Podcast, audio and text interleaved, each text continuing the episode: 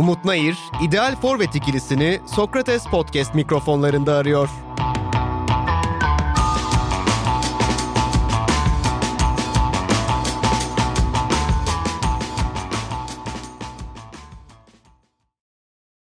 Çift Forvet'ten herkese selamlar. Bugünkü konuğum değerli yazar ve iletişimci Ümit Alan. Abi hoş geldin. Hoş bulduk Umut. Takdimi doğru yapabildim herhalde. İletişimci Doğru, yazar. Yazar Daha iletişimci. tweetler çok fazla ama. Evet ama bunu, bu ikisini tercih ediyorum. Çünkü onları yapıyorum genel olarak. Şimdi abi az çok dışarıda da konuştuk. Kafamda Çift Forvet projesini yaparken işte podcast'te bir tema üzerinden insanlarla sohbet etmek alanda uzman kişilerle. Senle de yaparken aslında bir tema ve kafamda sorular çıkarmıştım ama sonra senin yakın zamanda bir yazından sonra dedim ki Ümit abi bu yazıyı yazmış madem temayı ona oturtalım ve onun üzerinden devam edelim istedim. Temamız şöyle sen de çok daha aşinasın başlığını attın. Sosyal medya çağında futbolu sevmek mümkün mü? Evet. Aslında yazının içeriğinden başlayalım abi. Sen bize detaylı anlatırsan sonra sohbeti şekillendiririz. Şimdi o yazıyı neden yazmıştım? Çünkü e, sosyal medya ortamı yani yeni medya ortamı bizim futbolu sevme, futbol taraftarlığı alışkanlıklarımızı çok değiştirdi. Yani holiganlık neden var? Normalde yani tribündeki holiganlık karşındakini hiç tanımadığın için, karşındakini insan olarak kabul etmediğin için o başka bir kabile, sen başka bir kabile. O yüzden bir holiganlık kültürü, fanatizm çıkıyor. Ama normal insanların taraftarlığında bu yoktu daha önceden. Yeni medya yokken. Neden yoktu? Çünkü biz komşumuzla, okuldaki arkadaşımızla ya da iş yerindeki arkadaşımızla futbol konuşurduk, tartışırdık. Ama ertesi gün yine bir araya geleceğimizi, ertesi gün yine konuşacağımızı bilerek o bağlam içerisinde davranırdık. Orada ben de işte babamın arkadaşlarıyla, babam Fenerbahçeli, arkadaşı Galatasaraylı onunla Kazanan kaybedenle evet, dalga geçiyor. şakalaşmalarını şey yapmıştım. Ama bunlar hep belirli bir yere kadar gidiyordu. Fakat yeni medya bizim temas ettiğimiz insan sayısını çok değiştirdi. Ya orada number sayısı diye bir e, Evet. numaradan bahsediyorum. O insanların hayatı boyunca iletişim kurabileceği insan sayısı, veya maksimum anlamlı ilişki kuracağımız insan sayısını e, yeni güncellenmiş haliyle 100-250 olarak tarif ediyor. Ama biz sosyal medyada onu katladık binlere, Tabii. yüz binlere, on binlere takipçi sayımızın ölçüsünde ve bu artık bir şey yaratmaya başladı. Bizim futbol hakkındaki yorumlarımız, kutuplaşmalarımız, tartıştığımız pozisyonlar şey çünkü hiç kimse yenilginin e, yükünü, yenilginin sorumluluğunu, yenilginin öz eleştirisini almak Yapmak istemediği için istemiyor. herkes bir şekilde hakemler tartışılıyor. Herkes şey düşünmüştü. VAR geldiğinde yani bu video asistan azalacak. hakem azalacak daha da büyüdü. Tabii. Çünkü çünkü insan olarak biz aslında her ne kadar insan rasyonel bir varlık desek de çok da rasyonel varlıklar değiliz. Duygusal duygularımızla hareket ediyoruz şeyde. Özellikle fanatizmin girdiği yerlerde. Fanatizmin girdiği yerlerde. Ondan sonra herkes e, bizim üzerimize büyük oyunlar oynanıyor. Biz kurban seçildik. İşte Tabii. bu sezon e, zaten şey belirli masada belirlenmiş şampiyon gibi söylemler çıkıyor. Belirleniyor mu belirlenmiyor mu bilmiyorum. Ben o kadar da o ilişkileri bilen birisi değilim ama yeni medyada bunların büyütüldüğünü nasıl büyütüldüğünü görebiliyorum. Yani bir takım algı troll operasyonları. Burada peki abi iletişimci gözünden kulüplerin biz işte kurban seçildik. O hafta Evet. biri diyor, diğer hafta biz diyoruz işte değişiyor. Evet. Sonra başka bir takım diyor. Ya bunun gerçekçi olabilme ihtimali çok ütopik değil mi yani? Herkes kurban olduğunu söylüyor ve 34 hafta, 36 hafta neyse oynanacak. 36 haftada 18 tane farklı takım kurban yani. Ve o zaman biri kazanacak bu kazanan nasıl kurban olmadı? Evet. Aynısı ben kurbanım diyordu ama sonunda şampiyon oldun. Yani bu zorluklardan çıkıp da böyle bir zafere ulaşmış mı oldu yoksa herkese karşı mı kazanmış oldu? Böyle çok tavırlar bu toksik ortam böyle besleye besleye muhtemelen herkesin dili ona doğru evrildi. Evet çünkü orada kendi yenilgisini farklı bir gerekçeye bağlıyorlar. Yani yönetim yönetim başarısız olduğunu kabul etmek istemiyor. Çünkü bir, bir sonraki dönem yine devam etmek istiyor. Kulüp başkanlığının yönetimde olmanın verdiği prestij, oradaki itibar duygusu. Teknik direktörler e, de futbolcular da aynı psikolojiye giriyor. Onlar da başarısızlık tarafında daha önceden bir hafta konuşurduk ya da bir Tabii. hafta bile konuşmazdık biterdi. Yani o, o, o, o akşam biter ama sosyal medyada bu tartışmalar daha da büyüyor, büyüyor, büyüyor, büyüyor. Sonra şeylerin bile futbol takımlarının yönetimlerinin bile taraftar gibi açıklama yaptığı bir yere doğru ulaşıyoruz. Tam Çünkü onu da- merak ediyordum abi lafını kestim ama kusura bakma. Sosyal medyaya göre işte taraftardan bir talep geliyor işte biz konuşmazsak işte bizim artık sesimizi çıkarmadığımızı görürlerse sürekli üstümüze gelirler. Dediğin gibi taraftar dilinden ya da çok üst perdeden yani herkesi düşman gören bir dille bir açıklama bir kulüpten. Sonra onun muhatabı gördüğü bir kulüp karşılık cevap veriyor. Onlar birbirine yazışıyor böyle ana sayfalarda büyük büyük kulüplerin ana sayfalarında birbirlerine atışmalar. Yani bütün Süper Lig kulüplerinin aslında takındığı tavır bu ne yazık ki. Ya da dediğin gibi hakem hatalarından sonra sesimizi çıkarmalıyız. Başkan sesini çıkarmazsan işte senin de istifa etmen gerekir gibi bir tavır. Koca kulüplerin Twitter'daki özellikle Twitter diyorum çünkü biraz daha tepkiler Evet. oradan geldiği için. O Twitter'daki tepkilere göre bir iletişim metodu belirlemesi. Yani biraz akıl sağlığını kaybettirecek bir durum değil mi yani?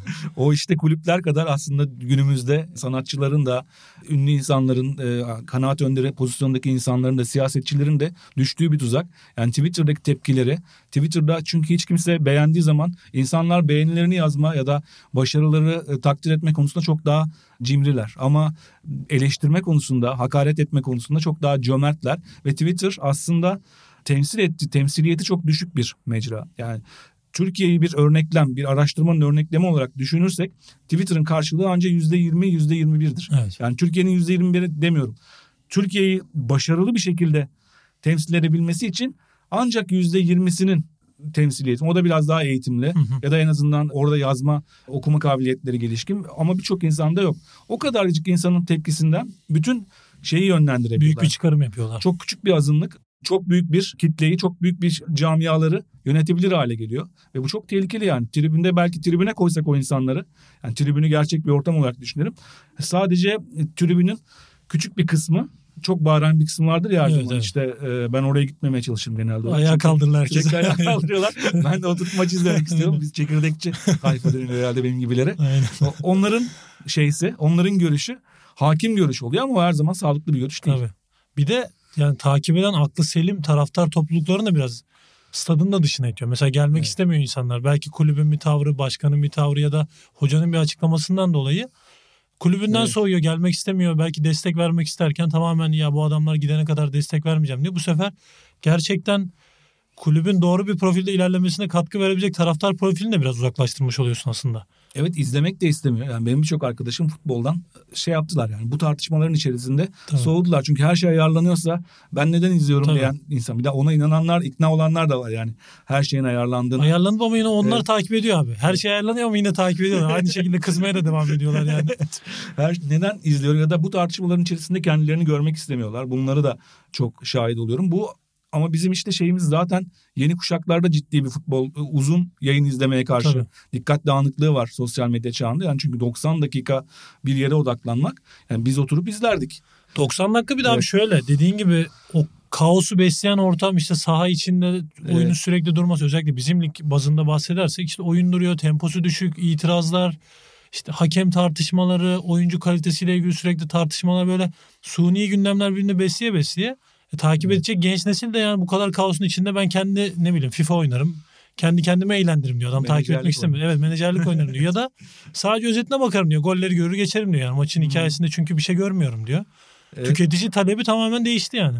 E, Zaten yayınlar paralı. Eğer e, korsana şey yapmıyorlarsa, korsana yönelmiyorlarsa yayınlar çok aslında pahalı. Şey Şey, 5-6 farklı platformda aslında. Tek bir platformda hepsini de izleyemiyorsun. Birden fazla lig farklı platformlarda. Amerika'da bir araştırma vardı işte. E, Ben onu bir e, daha eski bir yazımda yazmıştım. Sormuşlar oradaki e, spor taraftarlarına. Beyzbol daha çok beyzbol şeyli bazlı. E, %65'e yakını gençlerin demiş ki maçın tamamını izlememe gerek yok. Ben özetlerle zaten anlayabiliyorum olayı diyor. Beyzbol da evet çok sıkıcı geliyor bana. Üç Ben saat- dışarıdan biliyorum ama 3 saat falan sürüyor bir maç. Ama şeyde FIFA başkanı da Infantino bu farklı bir lig kurmak Tabii. istedi ya. E, pardon Real Madrid başkanı. FIFA Hey, başkanı diyor. Agnelli de şey Evet. e, Agnelli şeyin İta- Juventus'un başkanı bir Süper Lig projesiyle Aynen. geldiler Florentino Perez falan. Onun da bir önerisi şey öne- önerisi şeydi. Gençler artık futbol izlemek istemiyordu. İstemiyor. Ya, sorun tespiti bence doğruydu. Tespit doğru ama biz daha az para Çünkü- kazanacağız. Biraz daha para kazanmamız için biraz daha aramızda maç yapalım'a döndürdü o biraz daha. Çözümü çözümü yanlış önerdi ama sorun tespiti doğruydu. Çünkü hakikaten gençler soğuyorlar. Hele ki böyle tartışmalar olunca iyice soğuyorlar. İleride ben bu işin şeye evrileceğini düşünmeyi düşünüyorum şu anda. Yani çok ileride tabii. Canlı maç oynanıyor. Sizin sıkıcı oyunun durduğu yerler daha orada burada koştuğunuz sıkıcı yerler atılıyor. Sonra onun içerisinden 90 dakikalık bir Oraları veriyor. belki bir 30 dakikalık bir şey çıkartılıyor. Heyecanlı anlar. Özeti belki de öyle bir izleme yerine Muhtemelen yani zaten Evet. dediğin gibi tüketici talepleri oraya gitti ama burada bu toksik ortamı beslemeyici, sessiz, sakin kalan aklı selim iletişim metodu peki izleyiciyi çekebilecek bir metot mu yoksa bu aslında saha içinde düzeltilmesi gereken bir şey mi? Senin bir futbol sever olarak düşüncene göre. iki yönlü. Bence hem futbol ortamının yani saha içi ve e, yönetimlerin daha aklı selim davranması, tekne, sporcuların daha aklı selim Hı. davranması, onların da biraz daha sesini çıkarabiliyor olması. Yani sporcuların görüşlerini çok görmüyoruz. Yani yönetimler konuşuyor. Önceden ben maç sonu röportajlarında biraz daha şey görürdüm. Tabii. Daha, Daha- direkt konuşabiliyorlar. Yani şu anda o kadar yani maç sonu röportajı çok tahmin edilebilen şeyler üzerine oluyor. Evet. Hiç böyle sürpriz yapan futbolcu olmuyor. Eskiden Şota gibi falan esprili topçular vardı. Onlar onlar biraz daha şeyler kesitler çıkıyordu oradan. Evet. Şu anda onları göremiyorum ama sosyal medyanın algoritmaları da bu şeyi besliyor. Çünkü algoritma bize e, en öfkeli akışı getiriyor her zaman önümüze. Çünkü öfke insanlar öfkelendikleri zaman bir platformda daha fazla kalıyorlar. Hı hı. Bir platformda daha fazla kaldıkları zaman daha fazla reklam görüyorlar. Daha fazla reklam görünce de platform para kazanmış oluyor. Çünkü biz oralara para ödemiyoruz. En Tabii. azından şu anda kullandığımız mecralara. O yüzden algoritma bizi her zaman daha öfkeli bir yere doğru sürüklüyor. E, futbol ortamında zaten öfke var. Her Aynen. zaman bir her maçtan sonra muhakkak karşılıklı küfürleşmeler, haksızlığa uğrayan küfürleşme olmasa da haksızlığa uğramış olmanın verdiği serzenişler ve o öfkeli ortam algoritma bizim önümüze getiriyor. Önümüze getirdikçe başka bir şey de görmemeye başlıyoruz. Benim şu anda Facebook'ta özellikle çok görüyorum. Binlerce ben Beşiktaşlıyım. Beşiktaş hesabı var binlerce. Hı hı. Ama ta- takımın resmi hesabı değil. Bir sürü şeyler çıkıyor Farklı onlarla fan ilgili. sayfalar. Evet şu geliyormuş bu gidiyormuş işte şununla görüşülmüş şu olmuş bu olmuş işte bizim maçın hakemi e, şuralıymış hakem zamanında şununla görüşmüş hakemin gençlik fotoğrafları bir sürü şey türetiyor. Daha olmadan başlıyor zaten. Evet. Ya en ufak bir hatada da üstüne üstüne gidiyorlar zaten. Ve algoritma bunları benim önüme getiriyor ve yankı odasına sokuyor beni. Yani önceden Evet sen bahsetmiştin. Kendi Evet. yankı odasında sürekli dinleye dinleye farklı bir şey duymuyorsun aslında şeyde. aynı şeyi tekrarlamaya başlıyorsun. Sürekli Hı. böyle kendi sesinin yankısını. Ama önceden biz futbolu okulda tartışırken bir sınıf ortamında Galatasaraylı arkadaşımız da vardı. Fenerbahçeli'de, Beşiktaşlı'da, ben Eskişehirliyim. Eskişehir sporlularda. Hepsinin bir arada bir tartışması karşı sesi de duyabiliyorduk. Birbirimizi kızdırıyorduk falan. Ama sosyal medyanın algoritması bizi öyle bir yere sokuyor ki neredeyse artık karşıt görüşü hiç görmeye, görmemeye başlıyoruz. Yani şey kafamızda şüphe azalmaya başlıyor. Evet. O pozisyonun öyle olmayacağına Tek doğrunun şüphe. kendi fikrimiz olduğunu düşünmeye başlıyoruz yani kısacası. bu da bütün öfkeyi arttırıyor. Aslında ikisi birbirini besliyor. Yani bir yandan sosyal medya bizi böyle bir yankı odasına koyup öfkemizi arttırıyor. Biz bunu şeye yansıtıyoruz. E, tribünde ya da e, futbol ortamındaki temsilcilerimize yansıtıyoruz. Onlar da kendi varlıklarını sürdürebilmek için e, yönetici olarak, hoca olarak, futbolcu olarak onlar da şeye kendi söylemlerine yansıtıyorlar ve böylece E Dediğin gibi bu belki Bir şeyden çekinerek mesela ben sporcu gözünden bakarsam ilk profesyonel olduğum zaman Ankara gücündeyken Twitter'a girdim ve çok hoşuma gitmişti. Çünkü böyle insanlarla iletişim kurmayı, sohbet etmeyi seven Evet. biri olarak burada işte farklı fikirler göreceğim. İşte sohbet edeceğim. Ben bir tweet attığım zaman genç bir futbolcuyum o zaman da çıkıştayız Evet. Ankara gücünde. Altta mentionlar geliyor onlara cevap veriyorum. Böyle sürekli bir iletişim halindeyim. Hı hı. Sonra süreç ilerlerken şöyle bir şey oldu abi. Konuştuğum adamlarla tek taraflı bir iletişim. Çünkü ben onların hayatına dair hiçbir şey bilmiyorum. Onlar benim futbolda yaptığım başarılardan sonra ya olumlu ya olumsuz Evet. böyle üstten bir bakış açısıyla bana bir şeyler yazmaya başladılar. Dedim Yedi ki bu sa- evet sağlıklı bir Evet. iletişim gitmiyor çünkü tek taraflı ben adam hakkında bir şey bilmiyorum. Sürekli kendimi savunan pozisyonda bulmaya başladım. Ondan sonra da böyle bir mention kısmında yani insanlara cevap verme kısmında kendime çok büyük bir kısıtlama getirdim. Çünkü bir anlamı olmayacağını anladım yani Evet. oradan bir sağlıklı bir şey çıkmayacak. Belki buradaki günümüzdeki futbolcuların, sporcuların da çekinceleri, işte linç kültürü dediğimiz attığı bir tweetten, beğendiği bir tweetten insanlar şeylere giriyor yani beğenilerine giriyor. Bak bu neyi beğenmiş oradan işte ba- başka anlamlar çıkarıyor falan. evet, Bu sefer de kullanım çok şeye döndü. Robotik senin dediğin gibi yani sporcular söylemden, evet. İşte tweetten, Instagram'dan herhangi bir şey paylaşmayayım ben. Sadece bayramlarda, özel günlerde bir tweet atayım. İşte maç günlerinden önce işte maç öncesi hazırlanan görselleri paylaşayım. Maçı kazanırsak bir post çıkayım. Tamam abi ben iletişim dilimi böyle buldum diye. evet. Bu da bizi böyle bizi bu sefer insanlara üstten bakan robot halkın dışına Evet. çıkmış bir şeye döndürdü. Bu sefer bu da nefreti de belki körüklüyor olabilir. Yani futbolcunun duyguları olabileceği ya da futbolcunun bir insan olabileceğine ilişkin algıyı da kopardı. Tabii. Ben bir Beşiktaş Kasımpaşa maçına gitmiştim. Kasımpaşa sahasında. Hemen şeyin arkasındayım. Kulübenin arkasındayım. Ee, öyle bir e, yer denk gelmiş. Orada da o zaman Beşiktaş'ta Quaresma var. Sen var mıydın bilmiyorum. Quaresma ile beraber Hangi oldum. oynadım evet. Ee, o belki de kulübedeydin yani. Quaresma kulübeye doğru geldi. Adam Kasımpaşa taraftarı bu. Ben Kasımpaşa tarafındayım Hı. o, o, o akşam çünkü Kasımpaşa'dan davetiye gelmişti. Küfür ediyor Quaresma'ya. Sonra da fotoğraf çektirmek istiyor. Yani bir yandan fuck off diyor işte. Ee, O otomatik çıkıyor ağzından abi.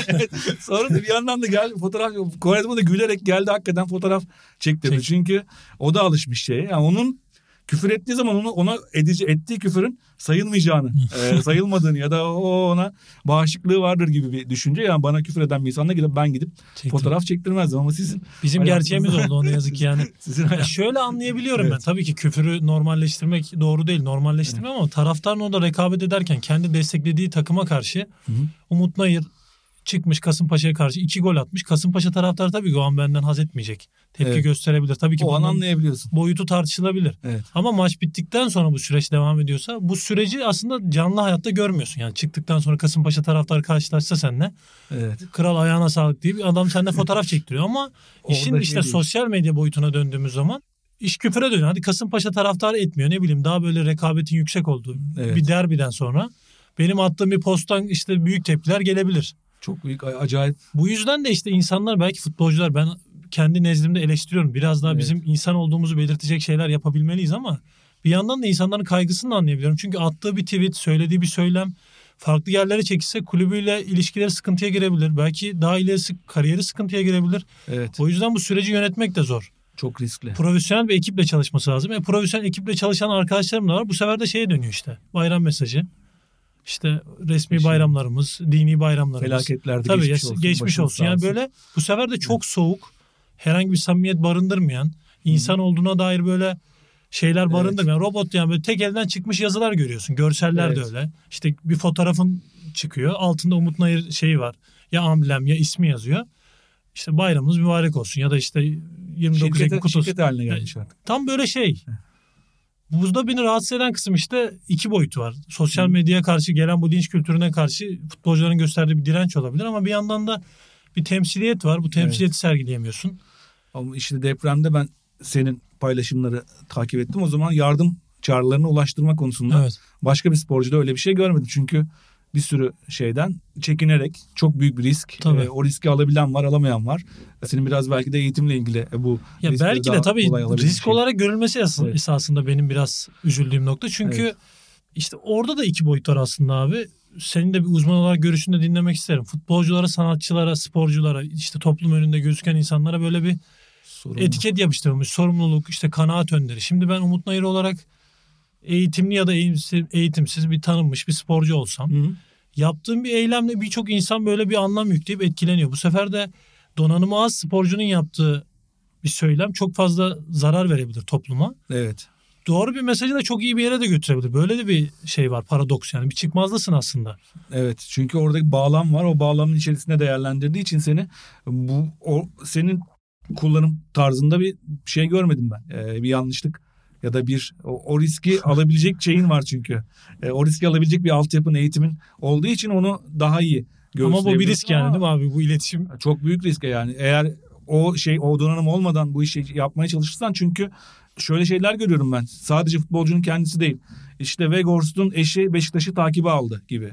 Yani Tabii, her şey- O arada takibi alıyor, beğeniyor. Beğenilerine Evet. bakıyor abi adam beğeni işte bir Instagram yorumunu yanlışlıkla mesela bazen beğenirsin farkında olmaz falan. Adam Evet. oradan mesela büyük anlamlar da çıkarabiliyor işte bu yorumu beğenmiş.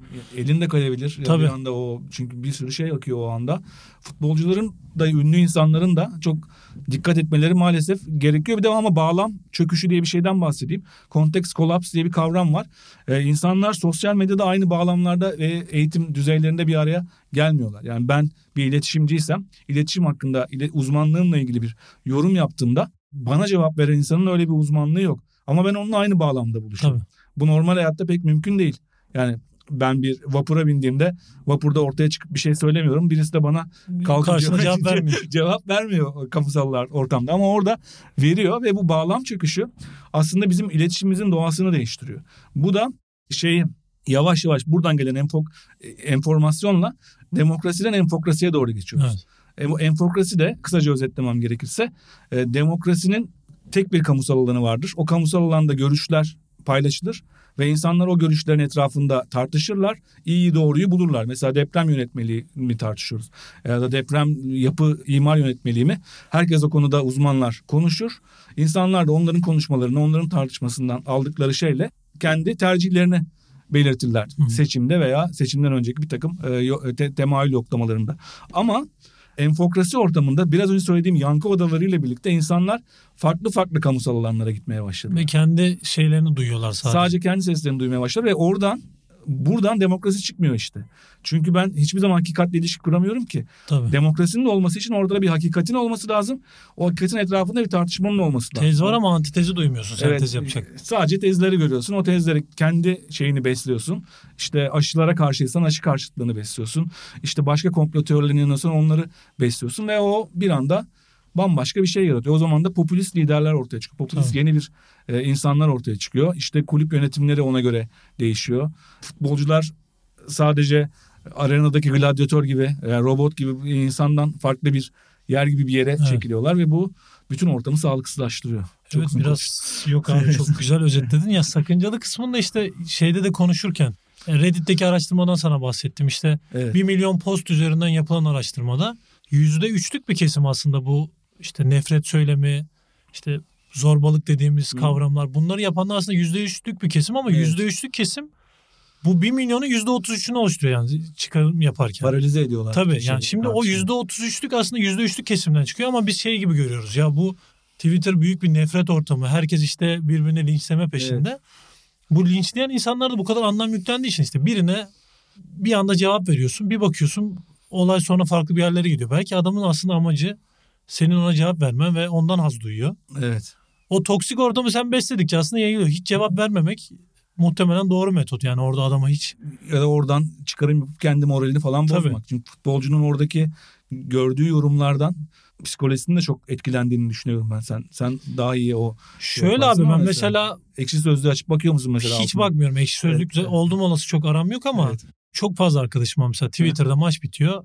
Hemen ismini bakma. aratıyor. Ümit Alan Evet. yazıyor. Umut Nayır. Şimdi yazdım ben. e, iyi maç oynadıysam, gol attıysam işte kral yine yazdı bugün. Hep övgü mesajları. E tabii kötü maçın üstüne de bu sefer çöp, bidon, işte üçüncü lig, amatör. E, Bunu da yönetmek gerekiyor. Şimdi işte. Yönetmen gereken çoğu Evet. yönetemiyor. Ben mesela kendi metodumda profesyonel kariyerime başladıktan 3-4 sene sonra bu işte mention'a Evet. cevap vermeyeyim dedikten sonra şeyi de bıraktım. Ben ismimi aratmıyorum. Neden aratmıyorum? Çünkü adamın yazdığı yazı kendiyle ilgili, benimle ilgili değil. Kendi görüşünü yansıtıyor ve bir uzman görüş değil. Futbolda zaten uzman görüş diye bir şey de yok. Yani lisanslı hocalar var. Evet. Onların bile görüşleri herkes tabii sen ben kahvehanede otururken onu tartışıyoruz. Şimdi Evet. adam lisans görmüş. önceden duymuyorduk bunu. Tabii böyle bir ortamda şimdi her şeyin tartışıldığı bir ortamda uzman görüş de yok. O yüzden de benim hakkımda Ümit Alan'ın futbolumla ilgili yazdığı görüş ya da işte başka birinin yazdığı görüş benim için bir şey ifade etmiyor. O yüzden de bakmamak benim için daha sağlıklı olduğuna karar verdim ve hiç bakmıyorum. Çok da ben futbolcu olsam dayanamazdım ya. Ya işte genelde dayanamıyorlar da bu sefer de şey oluyor. Akıl sağlığına cidden işte ekşi sözlüğe giriyor. 10 tane güzel entry. Çok iyi bir sezon geçiyorsun. Bir tanesi Evet. çıkıyor diyor ki ya bu işte geçiremiyor işte ya da kötü bir şeyler söylüyor ya da işte Evet. başarını küçümseyecek şeyler söylüyor. Adam onluk yani 10 güzel mesajı bırakıyor o bire takılıp kalıyor mesela. Ya bana bunu nasıl der? Ben klinik spor psikoloğuyla çalışmaya başlamıştım sezon kariyerimin baş, baş döneminde de orta döneminde. Hı. O zaman kendi ismimi aratmadım ama attığım bir şeyin altına bir mention geldi. Böyle çok bedduamsı böyle işte kötü bir mesaj. İşte psikologumla konuşurken şey demiştim. Ya ben ne yapmış olabilirim de adam bana bu kadar kin duyuyor, nefret duyuyor. İşte o zaman konuşurken şey demişti. Yani buradaki nefret söylemleri aslında seninle ilgili değil. İnsanın karşıdaki insanın kendisiyle ilgili bir söylem belki o nefretini senin aracılığınla dışarı vuruyor ya da başka Twitter aracıyla dışarı vuruyor. O yüzden de çok anlam yüklemem gerektiğini orada böyle bir terapi esnasında öğrenip ondan sonra kendi metodumu belirlemiştim. Evet. Ama çoğu sporcu için dediğin gibi büyük bir şey yönetilmesi gereken bir alan aslında. Yani biz bile yazı yazıyoruz. Her hafta yazı yazıyoruz. İşte programlar yapıyoruz. Onun altındaki yorumlardan öteki haftaki psikolojini etkileyebiliyor. Tabii. İster istemez görüyorsun çünkü yazıyla ilgili yorumu da diğer yorumlarda. Futbolcular gibi daha büyük kitlelere hitap eden insanlarda bu daha da şey. Ben senin dediğin Reddit'teki rakamın politik tarafında bir araştırma okumuştum Amerika'da. Aşırı politik tweetlerin %70'ini %6'lık bir kitle atıyormuş. Ya sessiz Evet. bir çoğunluk var abi aslında. Evet, yani- Dediğin gibi yani beğeni Troll. kısmında biraz daha şey kalan ya böyle daha cimri diyelim. Evet. Konuşmuyor. Beğeniyi Evet. daha az dile getiriyor ama nefret söylemi olunca da herkes bir anda galeyana gidip daha rahat konuşabiliyor. Herkes İyi de demiyorum. Çok küçük bir kitle. O küçük kitleye göre de e, kulüpler, sporcular, Taraf. işte ne bileyim hakemler, taraftarlar herkes o mecranın içinde ve herkes bir çıkarımda bulunuyor. Küçük bir kitlenin yaptığı söyleme göre ve bütün şekil o küçük kitle yönetiyormuş gibi oluyor aslında. Böyle çok daha böyle sakıncalı bir duruma doğru evriliyor. Evet aşırı şeylere göre, aşırı uçlara göre Tabii. kendimizi bütün sistemi ona göre ayarlamaya başladık. Politikada da öyle işte en fanatik troller, şunlar bunlar, troller ya da yönetilen algı hesapları yani bir kişi mesela bazen bin tane hesabı yönetiyor. E, onların çıkardığı gürültü bir anda trend topik oluyor. Aynen. Ama trend topik olan şey sonra aslında çok küçük bir kitlenin görüşü Tabii. ve biz onu gerçek bir görüşmüş gibi görmeye başlıyoruz ve o şey oluyor. Ve bu kalabalığın içerisinde diyelim ki biz bundan depremden bir ay önce imar denetimiyle ilgili bir haber görseydik fark edebilecek Kimse miydik? umursamayacaktı. Yani fark etmeyecektik. E, Futbolda da aynı şey var. Yani bir futbolcunun çok iyi bir sezon geçirmesi, işte bu sezon şey yapması her hiçbir zaman çok büyük bir konu olmuyor ama bir hata yaptıysa ya da magazinsel bir şey olduysa evet yani futbol dışında bir şey olduysa bütün konuşulan mevzu oluyor aslında dediğin gibi. bizim çocukluğumuzda televole vardı. Tabii. O zaman Instagram, Ben de Instagram. ucundan şeylere yetişmiştim. Merhaba televole kısmına biraz daha genç bir nesil olarak. Şimdi sosyal medya o şeyi belirliyor ama o televole zamanında bile futbolcuların birçok şeyini görüyorduk. E çok Yani- böyle şeydi yani röportajda konuşuyorlardı, espriler yapıyorlardı. Evet. Böyle daha insancıl geliyor dediğin gibi. Çok şu an ama mesela büyük, özellikle büyük takımlarda bir futbolcu röportaj yapmak için bile kulüpten izin alıyorsun. işte menajerinden bir şey ya çıkıyor. Beşiktaş döneminden abi ben anlatayım şimdi. Evet. İşte röportaj gelecek. Takım kaybettiyse röportaj zaten yapamıyorsun. Takım kötü gidiyor. Yani o Evet. bazen öyle bir konjektür oluşuyor ve işte ya şimdi işler kötü Evet. gidiyor. Yaparsan olmaz. E, Hmm. Oyuncunun performansı düşük yapsa yine tepki gelecek olmaz. İşte başka bir sebep yine olmaz. Yani burada belki derdini anlatmak isteyen bir sporcum var. Belki o anlatmasıyla insanlar samimiyeti görecek ve diyecek ki evet anlayış gösterebiliriz. Bu adamı işte böyle yapabiliriz. Uzaklaştırdıkça aslında bence nefreti büyütüyoruz farkında olmadan. Evet çünkü onun insan olduğunu yani futbolcunun da sahada kendisi içerisinde takım için ter döken futbolcunun da bir duyguları ya da onun da bir aile hayatı, onun da bambaşka düşünceleri olabileceğini ben mesela şeyde çok şaşırmıştım. Ee, e, Twitter'da sanırım takibi aldığın zaman sen bir, birkaç sene oldu galiba. Yani bir profesyonel futbolcu beni niye takip eder ki ya da beni niye okur ki gibi bir şeye girdim. Çünkü hiç öyle futbolcularla ilgili hiç öyle bir Aynen. Ne umudum e, öyle bir umudum var ne de öyle bir algım var. Çok şaşırmıştım yani şey olduğunda. Öyle bir şeyler daha fazla görmemiz. Ya üstüne Aslında yapışması şey- işte kötü. Evet. Dediğin gibi yani böyle sporcuların üstünde, futbolcular üzerinde diyelim. Biraz daha diğer sporcular bizim ülke üzerinde biraz daha göz ardı ediliyor yani. Onların yaptığı eylemler biraz da çünkü çok fazla beslenen kısım kaosun olduğu kısım futbol olduğu için Evet. her eylemleri böyle bir anlam yüklenince bu sefer de çok böyle robotik eylemler olduğu için ya işte bunlar sadece futboluna baksın. Hiç kimse görüş bildirmesin. Ya burada da işte Evet. biraz önce bahsettiğimiz konu. Bir rol model olma sorumluluğu var. Ama rol model olacak kişi gerçek donanımda mı? Verdiği mesajlar Evet. alınması gereken mesaj. Yoksa mesaj verme zorunluluğu var mı? O bile tartışılması gereken mevzu. Yani sıradan bir insanım ben Umut Nayır olarak. Evet. Sadece futbolcu olduğum için benim insanlara bir mesaj verme ve o mesajın doğru olduğuna dair de bir şey de yok elimizde. Veri de yok. Çok insafsızca bir beklenti. Yani 20'li yaşlardaki insanlardan bazen 20'nin bile altında Tabii. yıllar böyle çok akıllı şeyle onların işte siyasi politik mesaj vermesini istiyorlar. İşte bir ya da politik mesaj verdikleri zaman kızıyorlar başka bir Ama tabii hataya tahammül yok. taraftan ya da bir konu hakkında bir şey yaptıysa e, bir görüşünü belirttiyse dalga geçiyorlar ya da farklı anlamlar yapıyorlar ama bu insanlar şey değil ki yani o konuda uzmanlık açıklayabilecek insanlar değil. Bu çocukların ya bu insanlar ya ben 20'li yaşlarım kendi 20'li yaşlarımı düşününce e, iyi ki sosyal medya yokmuş diyorum bazen. Evet. Yani çünkü şu şu an geriye doğru Bizim attığımda futbolcu abilerimiz de çok diyor. kariyeri daha erken bitiren abilerimiz de çok söylüyor. onu. Bizim o dönemde olsa ben muhtemelen erken bırakırdım diye söyleyen Ya çok fazla var. o psikolojiyle yani o zaman yazdığım şeyden arattığında çıkmasından ben korkardım. Ama siz o, siz o yaşlarda hem futbol oynuyorsunuz zaten çok zor bir iş e, kampıyla şeyiyle e, bütün hazırlıklarıyla hem bir yandan kamuoyunun gözünün önündesiniz belki bazen sokağa çıkmakta e, problem yaşıyorsunuz bir yandan da sizden böyle şey bekleniyor. Ya aslında şöyle zor kısmı tabii ki yani zorlukları var diye düşünebiliriz. Evet. Aslında çok daha kısmı güzel kısmı keyifli. Ama biz ülkemizde muhtemelen zor kısmına kendimiz döndürdük. İşte yüklediğimiz anlamlarla fark, fazla fazla Evet. nefreti körüklememizle. Yoksa yani insanlar para verip halı sahada top oynamak için şey bulamıyorlar. Oynayacak takım arkadaşı bulamıyor. Sen hem işini yapıyorsun hem milyonlar seni Evet. takip ediyor. Belki oradaki sorumluluk kısmı işte bir galibiyetle attığın bir golle ne bileyim çok mutsuz işte geçim sıkıntısı çeken bir aile o böyle iki saat içinde o şeyini unutabiliyor. Evet bir Böyle anda bir iyileştirici birleştiriciliği var ama yine de çok fazla sorumluluk. Dediğin gibi yani 20 yaşında bir adama her hareketin doğru yapmasını bekliyorsun. Robotik dediğim o yani her hareketin doğru yapsın bekliyorsun. Yapamayınca da ya bundan işte bir yol olmaz.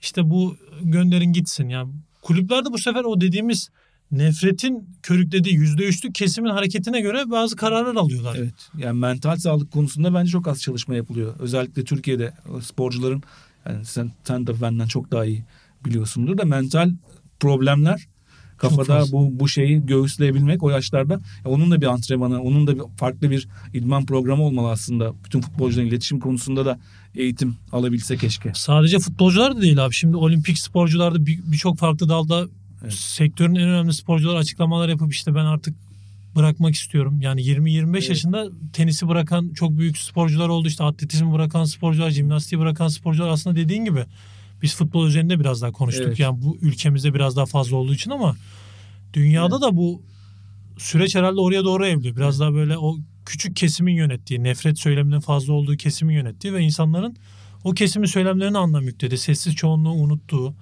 İşte bir de bu algoritmalar yüzünden mesela ben 80'lerde çocuktum. 80'lerde e, büyüdüm. 80'lerde sokakta birisini çevirip de bana bir tane artistik buz pateni sporcusu söyler misin? E, ismi sayar mısın dediğinde herkes söylerdi.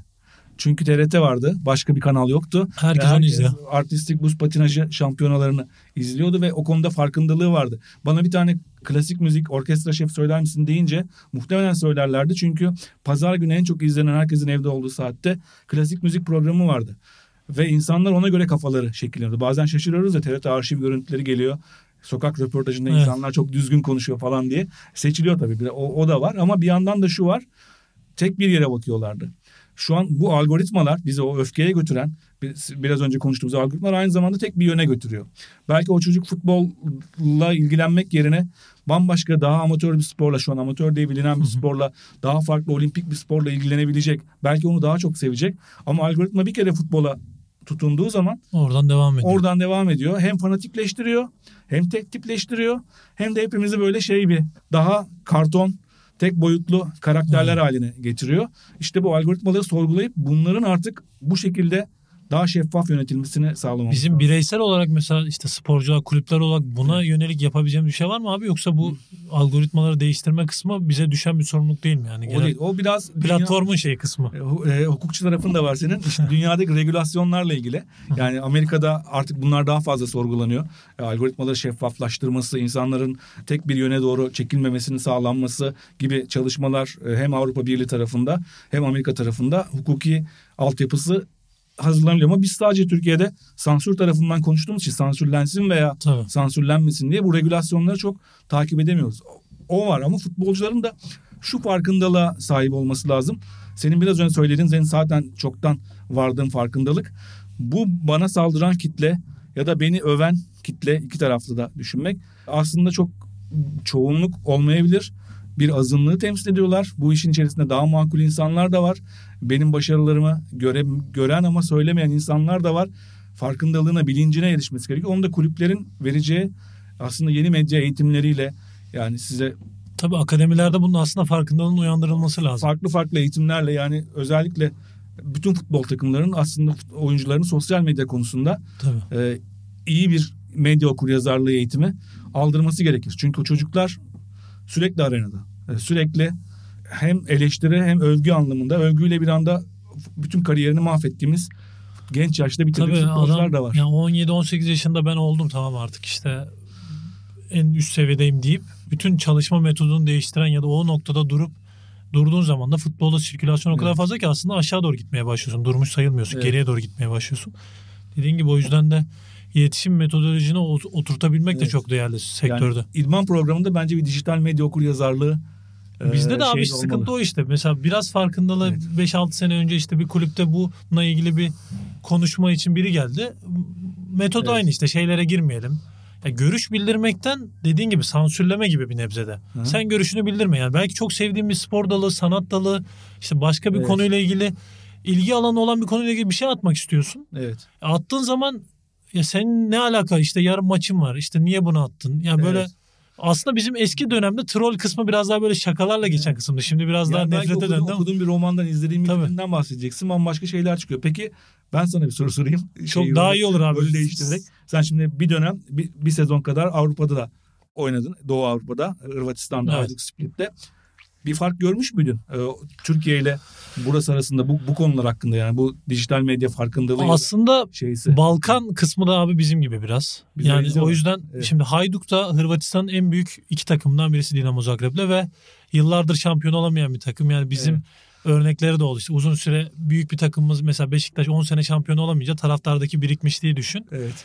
Onların da genel olarak tepkileri biraz şey ya. Tabii Hırvatça yazdıkları Evet. için ben anlamıyorum ama Evet. birkaç küfürü bildiğim için bazen denk geliyordum mesela. Küfürlü mesajlar çok fazla geliyordu ama oradaki metotta mesela sporcularda fark ettiğim bizdeki gibi robot yani şey yok. Genel bir görüş bildirme yok. Sadece kazanılan maçlardan sonra paylaşılan görseller ve onun üstünden giden bir düzen var aslında. Sosyal medya kullanımı bizden çok farklı değildi bence. Ama bir yandan da bilinenler hep şey. Biraz daha yani Eric Cantona'yı biliyoruz. Bin türlü olayı var. Bin Tabii. türlü açıklaması var. İşte Türkiye'de Sergen Yalçın'ı biliyoruz. Akılda Onun- kalanlar öyle daha fazla açıklama var. yapanlar aslında. Evet. Biraz da şöyle bir şey var abi ona da aslında değinmek istiyordum. Bizim belki ekside kaldığımız sporcuların gerçekten kendini yansıtamadığı bir durumda bu yayıncı kuruluşun getirdiği bazı kısıtlamalar var. İşte mesela soyunma odası görseli ne bileyim bir ayda işte 15 saniye mi 30 saniye böyle bir kısıtlama var mesela yayıncı kuruluş paylaşmasa sen paylaşamıyorsun. Telife giriyor. Hmm. İşte idman sahası olmasa da işte kulübün sahanın içinden görselleri video halinde paylaşamıyorsun. Mesela çeşitli platformlarda özellikle Premier Lig'deki birçok kulüple bunu yapmaya başladılar. Netflix'te Amazon'da farklı farklı belgesel tarzı mini 8-10 bölümlük o sezonun hikayesini anlatıyor ve orada bir benim bile hissettiğim oldu. Böyle bir oyuncuyla bir şey kuruyorsun ya ben de bunu yaşamıştım. Ya da bir Evet. insan olarak da ya adam bak neler yaşamış o sezon hiç fark etmedik dediğin şeyleri Evet. gözler önüne seriyor. Ya da işte bu Formula 1 stratejisi olarak belirledikleri Drive to Survive dedikleri ve 5. sezonu yanlış hatırlamıyorsam oradaki bir doğru planlamayla projelendirmeyle mesela inanılmaz bir kitle topladılar yine kendilerini. Belki Evet. futbolun kaybettiği kitle Türkiye'de de büyük bir kitle kayboluyor. Böyle çekebiliriz ama burada da yayıncı kuruluş engeline takılıyorlar muhtemelen içerik Evet. üretmede. Şu anda bir tane Atakan Kurt'un galiba eski futbolcularla Evet. yaptığı bir program var. O, o zaman o zaman görüyoruz ki aslında içeride acayip şamatalı Tabii. bir şey bir ortam varmış. Onu hiç görmüyoruz. Mesela Michael Jordan'ın belgeselini izledik Netflix'te. Nasıl bir Büyük bir arşivleme var. Nasıl Yani görebiliyorsun. arşiv var? Bizde Evet. arşiv diye bir şey de yok yani. Sen daha iyi Görüntüler. biliyorsun. Görüntü yok elinde. Görüntü olsa dediğin gibi paylaşamıyorsun. Yani böyle çok kısıtladığın için de belki o şeyi de engelliyor olabilir. Yani Evet. oyuncuları insan olarak yansıtma boyutunda da engelliyor olabilir. İşte aslında o zaman futbolu sevdirmek ya da bu sporu yeniden çocuklara, gençlere daha sevdirmek için bütün bu hikayenin arka tarafını da daha fazla göstermek gerekiyor bence. Sen Evet ya bir de sosyal medya kısmının da gelmesi de hep bahsettiğimiz şeye dönüyor abi. Siyah ve beyaz. Sen Evet. siyah beyazı bir arada seviyorsun Beşiktaş'tan dolayı ama Hı. sosyal medyada düşünce iki boyut ve Evet. Ümit Alan'ın bir görüşünü duydum ben. Ya bu adam işte tamam siyah ben beyazım. Evet. Onunla alakam yok. E sen benim bir görüşümü duyuyorsun. Beni siyah ya da Evet. beyaz olarak kodluyorsun ve devam ediyor. Yani insan karakterlerini de sadece belirttiği bir görüş üzerinden silip geçiyoruz yani şey olarak. Sadece o şeyini yani aslında karşı siyasi görüşün içerisinde de senin konuşabileceğin, anlaşabileceğin insanlar oluyor. E, hepimizin hayatında var abi. de beyazın da yani önceden böyleydi. Mahallede kimsenin benim genç ilk gençliğimde çocukluğumda mahallede kimsenin siyasi görüşü ya da kimsenin e, tuttuğu takım tek değeri değildi. Tabii. Bunun arkadaşlığımın bambaşka gerekçeleri vardı. Ya belli bir tanım belli bir sıfat içine sokarak kendimizi belki kendimize arkada bir güç mü toplamak istiyoruz? O sıfatın içinde, o ismin içinde Beşiktaşlar topluluğu is- isminde büyük bir güçle Evet. Abi ben onlarla beraber yürüyorum. Benim sırtımda işte koca bir Beşiktaş topluluğu var. Ne desem onlar benim arkamda gibi bir Ve şeye diğer- giriyoruz. Diğerleri yok. Tabii. Onlar insan da değil, onlar şey de değil. Bu bunu ortam işte bu çok fazla kişiyle konuşuyor olmamız durumu yaratıyor aslında.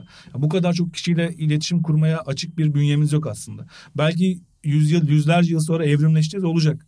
Ama şu anki insani bizim zihin, insani kapasitemiz en fazla 100 ile 250 insan arasında anlamlı ilişki yürütebiliriz. Sosyal medyayı kapatmak mı abi yoksa çözüm işi tamamen kop. kapatmak değil de daha sorumlu kullanmayı öğrenmek. Yani o şeyi o dijital bu algoritmalardan arındırabilmek. Mesela Instagram'da arkadaşlarımızı göremez hale geldik. Çünkü Akışı garip bir akışı var. algoritma bize takip etmediğimiz insanları öne çıkarmaya başladı. Başkalarını. TikTok zaten tamamen algoritma üzerine kurulu.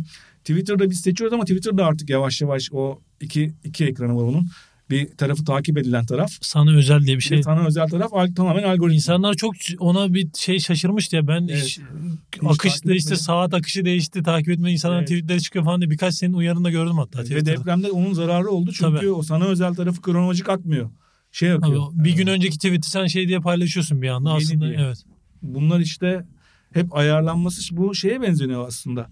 1920'lerde 30'larda sigara çok normal bir şeydi. İnsanlar e, sigara sigaranın reklamları vardı ve sigaranın kamusal alanlarda topla, toplu alanlarda içilmesi çok normal bir şeydi. Ben çocukluğumda yaptığım o, yolculukları hatırlıyorum. Böyle bir Otobüsler duman duman- içinde. duman içerisinde ama zamanla ne yaptık? Onun zararına alıştık ve yani alıştık derken zararını algıladık ve üzerine regülasyonlar, Evet. hukuki düzenlemeler geldi ve yavaş yavaş artık insanlar dışarıda sigara içiyor daha medeni bir yere gitti. Aynı şekilde emniyet kemeri. Otomobilin icadından 100 yıl sonra emniyet kemeri yasal zorunluluk olmuş. Yani 100 Yani o 100 yıl boyunca. Evet, insanlar ölmemeyi 100 yılda öğrenmişler ya da ölmemeyi ya da daha az yaralanmayı. Ee, şu an sosyal medyanın icadına bakarsan Facebook 2004'te çıktı. En eskisi bile 20 yıl olmadı. Tabii. Ve şey gelişmedi. Ne kullanım adabı ne eğitimi. Ya Umberto Eco ölmeden önce ya dünyanın en büyük yazarlarından biri ölmeden önce yazdığı yazılarda hep şunu savunuyordu. Okulların tek derdi bu olmalı. Ya internetin yarattığı yeni kültür. Tabii. Ya bunun nasıl yönetileceğini öğretmeli ama biz hala bir takım tarih dersleri yani yani daha işe yaramaz şeylerle Evet. çocukların kafasını dolduruyoruz. Ama çocuklar okuldan çıkınca bütün gün internette internet kültürüyle ilgili hiçbir şey öğretmiyoruz. Dijital medya okur yazarlığıyla. İşte bunun da belki de oturması 100 yıl alacak. Biz Tabii. belki yaşlılığımızda göreceğiz. Bir daha abicim Şu araba, araba ve emniyet kemeri örneğinden gidersek Evet. stabil bir araba ve emniyet Evet. kemeri kullanımı stabil ama internette sürekli güncelledi ve yeni yeni Evet. algoritmalar geldiği için aslında birine adapte olduktan sonra diğerine adapte olman için de yeniden bir Evet. süreç görmen lazım. O yüzden de böyle süreç kaçtıkça tamamen böyle kopuk bir yere doğru da gidebilir yani. İşte bütün toplumun bunun hem kullanım adabını hem bunun sa- e, sağlıklı bir şekilde belki de bizden bizim çocuklarımız, torunlarımız diyecekler ki bizim babalarımız da ne kadar kerizmiş ki şeye girmişler. bedava diye sosyal medya Buralara diye bir yere girmişler. Sırf bedava diye kullanmışlar ve bütün verilerini Paylaşmışlar. Evet, Yuval Noah Harari buna şeye benzetiyordu. Bizim bu verileri hiç şey düşünmeden veriyoruz ya Aynen. platformlara. Zamanında diyor yerliler beyaz adamın Afrika'ya ya da işte daha Medeniyet medeniyet yerlere gidip yerlilere incik incik boncuk karşılığında yerlilerden en değerli arazilerini almasına benziyor şu anda yaşadığımız süreç diyor. Hakikaten oradayız. Biz çok başındayız. Onun bu Bugünden itibaren kapatıyorum Evet. ben şeyi verileri.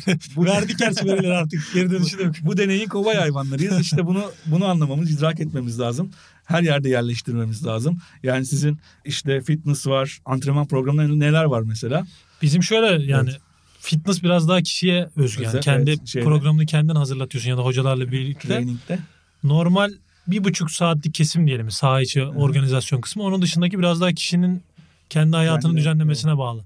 Yani bizde Türkiye'de böyle aslında Avrupa'da idman öncesi fitness programı da biraz daha zorunlu. Sonrasındaki program da zorunlu ama bizde biraz daha bireysel farkındalıkla işliyor. İşte bir de salonda konuşarak yapılan bir idman cinsi. Evet. olması gerekiyor. O idmanda da işte dijital medya okur yazarlığından e, toplum içerisindeki e, davranış kalıplarına kadar birçok şey. Çünkü çok çok gençsiniz abi yani. Tabii. Bu kadar şu- Bir de büyük çok hep konuştuğumuz şey geliyor. Şöhret ve sorumluluk ikisi bir arada ve yönetebilecek misin? Kişinin donanımına bağlı. En donanımlı adam bile neler yapıyor. Yani bir nefret anına, bir sinir anına geliyor. Bir patlıyor, birine küfür ediyor. Evet. Hayatı onun üzerine o etiket yapışıyor yani. Bu şu gün şuna küfür etmişti Twitter'da diye. Yani büyüklerinden feyz alsın diyorsun. Ama ço- çoğunu da ailesi yanıltıyor aslında. Tabii. Yani çok sporcuda gördüm. Maalesef ailesinin yanılttığı ya da çünkü ailesi de o eğitime, o Evet. eğitimin içerisinden gelmeyince ortaya bazen kapasitesinin yüzde yüzüne varamayan ya da çok daha erken bırakan ya da çok daha çabuk pes eden bir sürü örnek ortaya çıkıyor. Bunun da halledilmesi lazım bence spor ortamında. Abi bütün kamusal mesajları verdik. Ağzına sağlık. Teşekkür Kamu ederim. spotu gibi oldu Evet. biraz. Ama belki yani bu sonuçta bir arşiv Evet. olarak da kalıyor. Belki Evet. Sonuçta takip ediyor insanlar. Böyle bir sorumluluğum da varsa kendi adıma senin gibi bir insanla da bunları biraz paylaşabilip anlatabildiysek belki birisi der ki ya biz sosyal medya sporcu olarak farkında olmamız Yani- lazım diye dönebilir. benden ötürü izleyeceklerini sanmıyorum. Senden ötürü izleyen e, futbolcular, futbol camiasından insanlar da e, vardır. Onlar belki bunların Umuyorum. yararlanmanın yolunu Bizim bulur. genelde başında sormadım ama sonunda sorayım. Evet. Çift forvet olarak sohbet anlamında bence bir iyi çift forvet ikisi olduk yani. Hoca gözüyle bakarsan futbol sever gözüyle ne Evet. dersin? Evet ben futbolda çok yeteneksizdim ama e, forvetten çok sol ayağımı kullanıyorum ben. Şeyde genelde beni şeye koyarlardı. Sol sol beke koyarlardı. En arkaya doğru. en arkaya doğru ama ben en azından ileriye doğru giden forvete ne deniyordu? Daha Ken- fazla. kenar oyuncusu mu diyorsun? Sol, sol bekin Senin biraz önündeki. da, sol bekin biraz daha ileriye gidenine. Sol ha, kanat bek şimdiki Kanat şeyde evet. aynı. Kanat bek. Belki kanat bek olurdu. Tamam abi sen ortalarında beni beslerdin. Ağzına sağlık. Teşekkür ediyorum. Rica ederim. Teşekkür Forvet'ten bugünlük bu kadar. Herkese selamlar sevgiler.